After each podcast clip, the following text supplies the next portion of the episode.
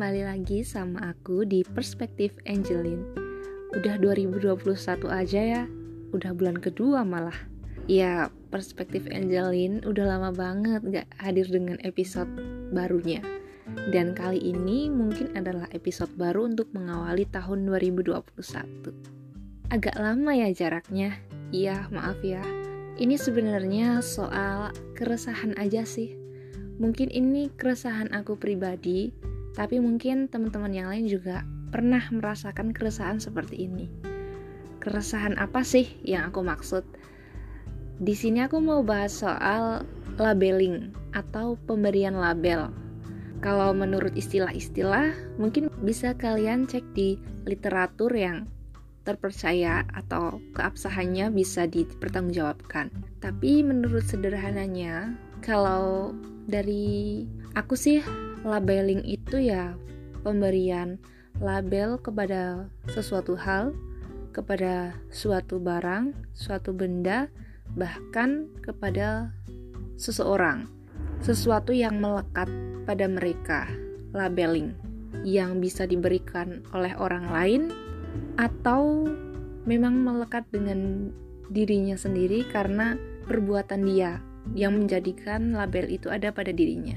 Oke, berdasarkan beberapa kejadian yang aku alamin ya di tahun-tahun sebelumnya, aku menganggap bahwa labeling ini cukup nggak adil sih karena kebanyakan label itu disematkan oleh orang lain kepada seseorang karena dia melihat sesuatu pada orang lain itu dan menurut dia orang lain itu berhak mendapatkan label tersebut. Contohnya, orang yang mengambil barang milik orang lain tanpa izin dilabel sebagai seorang pencuri atau maling. Kemudian, orang yang berkata tidak jujur dilabel sebagai seorang pembohong. Atau banyak lainnya deh. Atau banyak lainnya deh contohnya. Kalau aku salah bisa dikoreksi ya. Berdasarkan pengalaman yang aku alamin tuh, labeling itu ketika kita menganggap seseorang berhak mendapatkan suatu label tersebut. Contohnya, kamu menjumpai aku di forum rapat, dan setelah selesai rapat, kita keluar, kita ketemu, dan kamu bilang, kamu tuh orangnya serius banget ya. Oke, itu first impression. Label tuh nggak bisa dikasih ke orang pada saat kita pertama ketemu sama dia. Karena barangkali yang kita temui itu adalah barangkali yang kita temui adalah salah satu dari sisi diri dia gitu loh. Belum tentu yang kita temui itu adalah diri dia yang sepenuhnya. Dan aku bakal jawab kayak gini karena memang pernah kejadian sih. Nggak nanya, cuma aku bisa ngerasain itu. Kenapa sih kalau ketemu kamu atau aku di sini bawaannya tuh serius banget. Suasananya suasana rapat mulu gitu Ya karena kita sering ketemunya di forum rapat gitu. Karena di rapat itu kita sering ketemu karena ada beberapa pembahasan yang mana itu adalah lingkungan kita. Pembahasannya di forum rapat. Kamu menjumpai aku sebagai seseorang yang serius. Dan ketika di luar rapat, kamu menjumpai aku.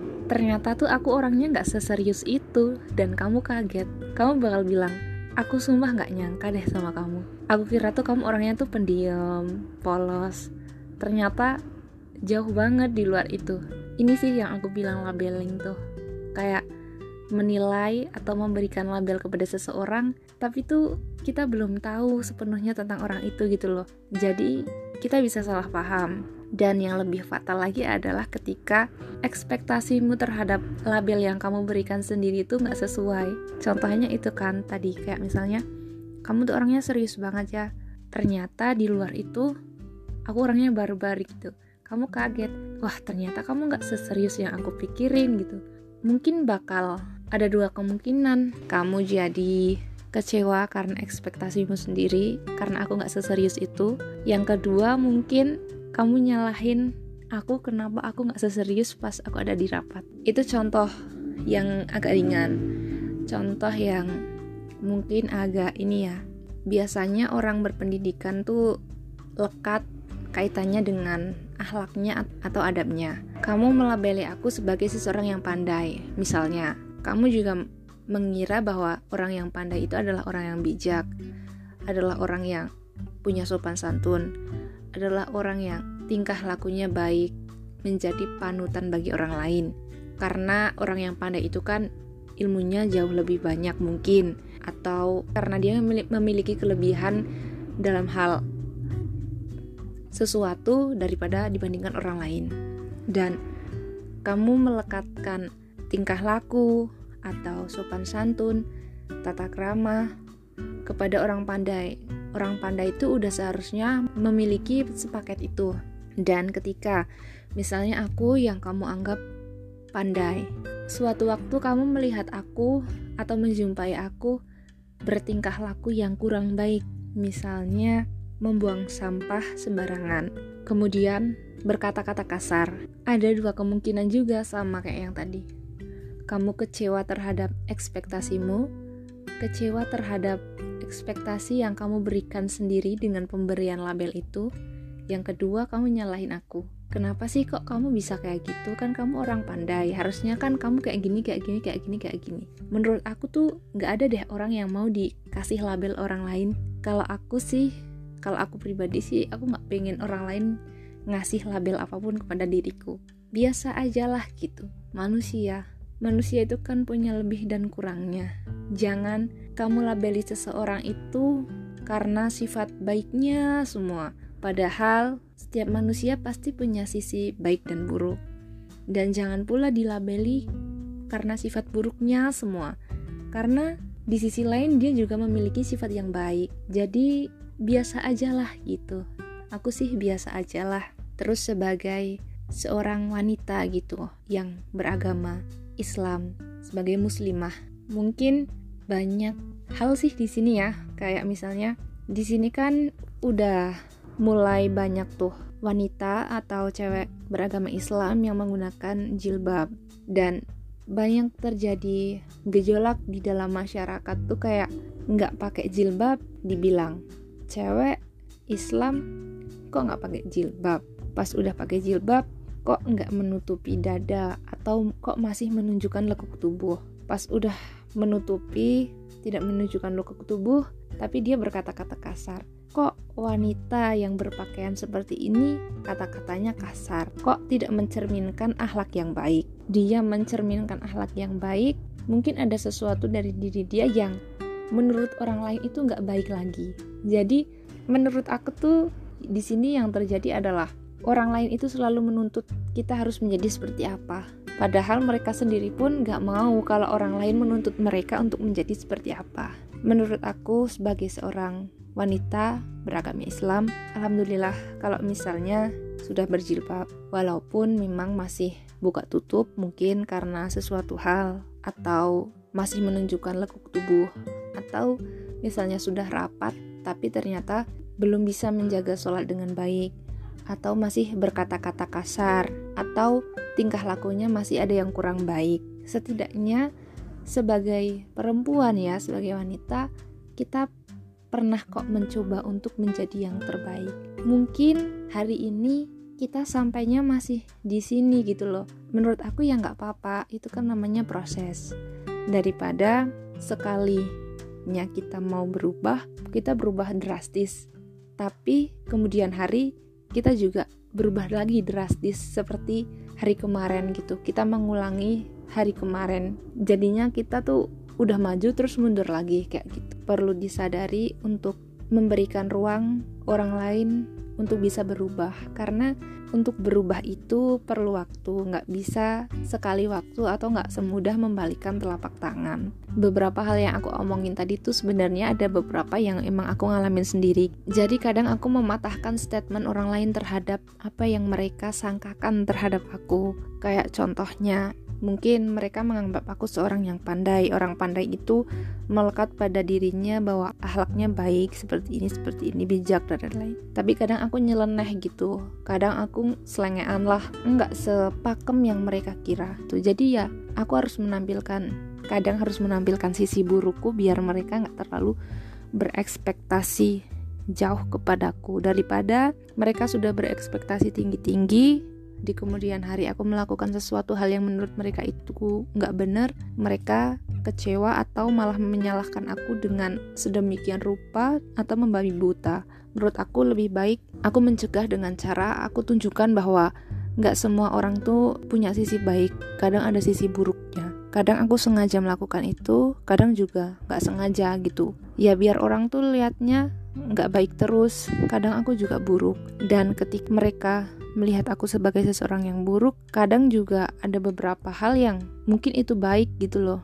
Jadi mereka nggak hanya melihat aku dengan satu sisi aja. Terus kayak misalnya sebagai muslimah yang baik seperti itu, memang susah gitu. Aku mengalami fase-fase yang naik turun lah sebenarnya ya. Pernah ada di posisi yang buka tutup jilbab karena itu masih transisi dari aku yang belum berjilbab ke berjilbab dari fase yang memakai pakaian yang tidak menunjukkan lekuk tubuh ke fase yang menggunakan pakaian yang intinya menutup aurat. Dan dengan apa yang aku pakai sebisa mungkin aku memang harus menjaga kehormatan diri aku sebagai wanita. Semua orang itu pasti punya baik dan buruk. Kalau menurut aku kenalilah keduanya, baik dan buruk mereka, terimalah gitu. Karena kita pun punya baik dan buruk. Kan kita juga nggak mau kalau dianggap baik terus sama orang lain. Pas kita melakukan sesuatu hal yang mungkin dianggap mereka salah, mereka menjauh. Kita juga nggak mau dianggap buruk sama orang lain gitu. Pas kitanya baik, mungkin nggak percaya kalau kita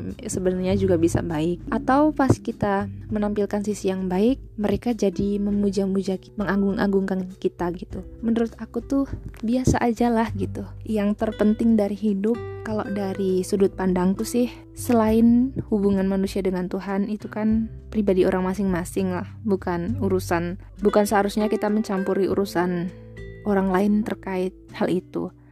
Mungkin kalau mengingatkan untuk beribadah itu mungkin kewajiban sesama kita umat beragama ya, agama apa pun, mengajak untuk beribadah tapi untuk mengurusi yang lebih dalamnya, aku rasa bukan ranah kita lah. Kemudian, hal penting yang kedua yaitu adalah hubungan kita dengan manusia. Selama kita hidup, ya hubungan kita tuh ya sama manusia gitu. Kita tuh berhadapan dengan manusia, berbagai macam jenis manusia dengan karakteristik, dengan sifat, dengan sikap yang beraneka ragam gitu. Dan kita harus mempelajari itu. Aku bilang sih, aku ya, aku harus mempelajari itu. Aku harus mempelajari orang ini tuh kayak apa sih?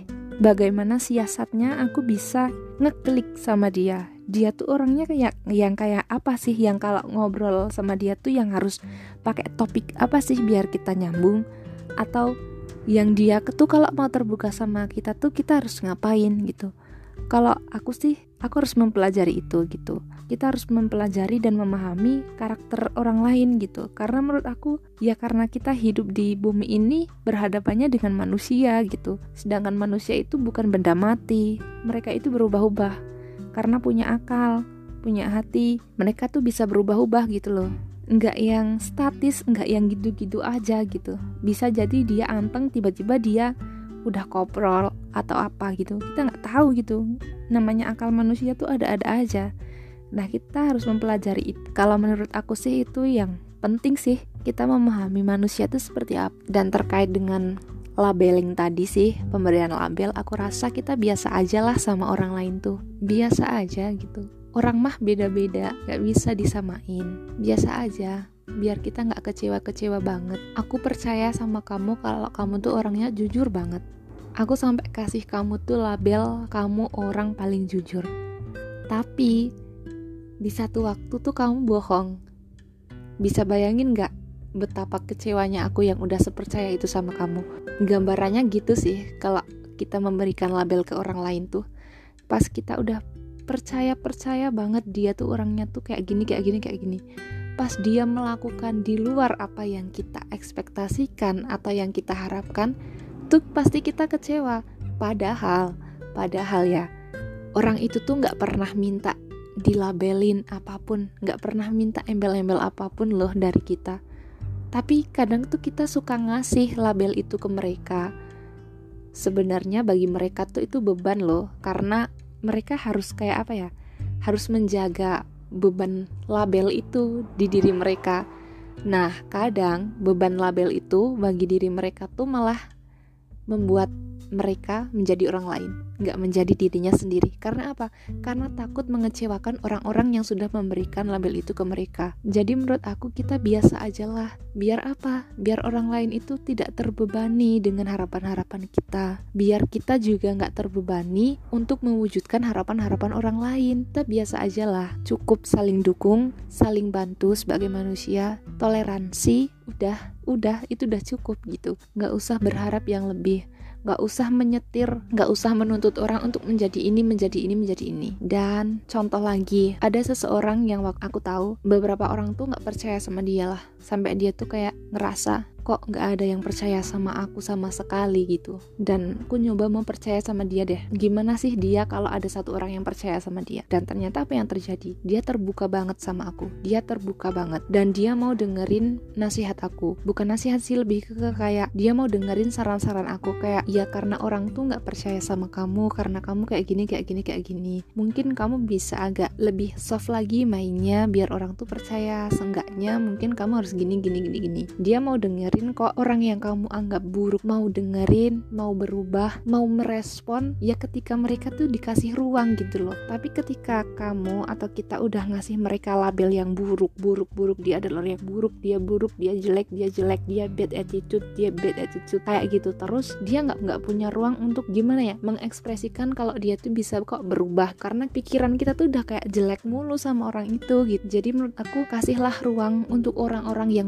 yang mungkin kamu beri label label buruk. Karena aku yakin mereka pasti berubah kok. Mereka itu punya sifat-sifat baik. Mereka tuh punya sisi yang baik yang kita belum tahu aja. Karena kita hanya memandang dia dari salah satu sisi. Padahal manusia tuh banyak sekali sisinya. Itu baik buruk. Ada hitam putih ada abu-abu juga. Jadi jangan pernah menilai atau menghakimi seseorang tuh dengan secara singkat atau kilat ya. Ya kita harus mempelajari atau memahami itu sih. aku tuh bicara kayak gini bukan karena aku ahli di bidang apa-apa. Karena karena aku mengalami hal itu beban. Ketika orang ngasih kita label tuh beban jujur sih aku ngerasain itu. Karena yang tadi aku sebutin yang beberapa aku alamin aku ngerasa ketika orang menganggap aku seperti ini aku harus menjadi apa yang mereka harapkan. Aku harus sebisa mungkin menjaga harapan-harapan mereka atau mungkin bahkan aku berusaha untuk mewujudkan harapan-harapan mereka. Padahal diri aku sendiri pun punya harapan kenapa aku repot-repot mewujudkan harapan orang lain? Padahal harapanku belum tersentuh sama sekali itu beban sih. Dan buat orang si pemberi label kayak gimana ya? Mereka tuh mengecewakan diri mereka sendiri dengan apa yang mereka lakukan sendiri gitu loh. Kayak buang-buang waktu. Jadi menurut aku biasa aja lah. Mungkin kita menganggap dia tuh orang nakal berandalan nih suka minum dan lain-lain. Coba deh kasih ruang buat dia buat cerita. Kenapa sih dia kayak gini kayak gini kayak gini? Pasti tuh dia mau kok cerita. Kalau kita kasih ruang sayangnya kalau kita udah nilai orang buruk tuh kadang kita nggak mau kasih ruang buat mereka berbicara buat mereka cerita atau buat mereka tuh ngerasa kalau kita adalah rumah buat mereka pulang kalau mereka nggak bisa pulang ke rumah fisik asli mereka gitu loh. Kita nggak pernah kasih ruang itu ke orang-orang yang mungkin kita cap buruk gitu loh. Makanya kita memandang orang tuh selalu buruk buruk buruk terus. Menurut aku itu nggak adil sih. Itu yang nggak adil dari adanya labeling. Menurut aku yuk sama-sama. Aku juga belajar kok. Aku juga masih dan akan terus belajar untuk biasa aja lah sama orang lain tetapi biasa aja lah di sini juga nggak bodoh-bodoh amat juga. Kita tetap peduli tetap saling berbagi kasih sesama manusia saling menyayangi mencintai sesama manusia. Tapi jangan pernah menuntut orang lain itu untuk menjadi seperti apa yang kita inginkan. Karena kita pun nggak mau di seperti itu kan kan? Kuncinya adalah biasa aja lah. Biar apa? Biar nggak beban biar nggak kecewa. Mungkin itu sih keresahan yang mau aku share di episode pertama tahun 2021 sebenarnya ini tuh lebih ke kayak beberapa hal yang pernah aku alami sendiri gitu. Mungkin kalian pernah merasakannya juga. Aku ingin berbagi cerita aja sih. Kalau ada yang salah dari apa yang aku sampaikan aku mohon koreksinya dan berterima kasih kalian mau mengoreksi. Dan apabila ada yang buruk dari apa yang aku katakan, maka tinggalkanlah itu dan apabila ada yang baik, terima kasih gitu karena ya kesempurnaan dan kebaikan itu ya bukan milik aku karena aku pun memiliki sisi yang buruk juga. Aku nggak selamanya baik, aku nggak selamanya buruk. Begitupun kalian, kita memiliki banyak sisi, banyak sisi dari orang yang belum kita tahu. Jadi jangan gampang judge orang. Apalagi pas first impression kita udah judge orang. Jangan sih, jangan. Kita kenali dulu dia seperti apa. Kita pelajari, kita pahamin. Gimana sih siasatnya kita tuh berhadapan dengan orang-orang. Oke, mungkin itu dulu ya di perspektif Angelin episode keresahan-keresahan manusia. Terima kasih telah mendengarkan. Well, thank you guys for listening to my podcast and I'll see you in the next episode on Perspective Angeline. Menjelajah beragam sudut pandang dan pengalaman serta belajar menjadi manusia yang manusia. Bye!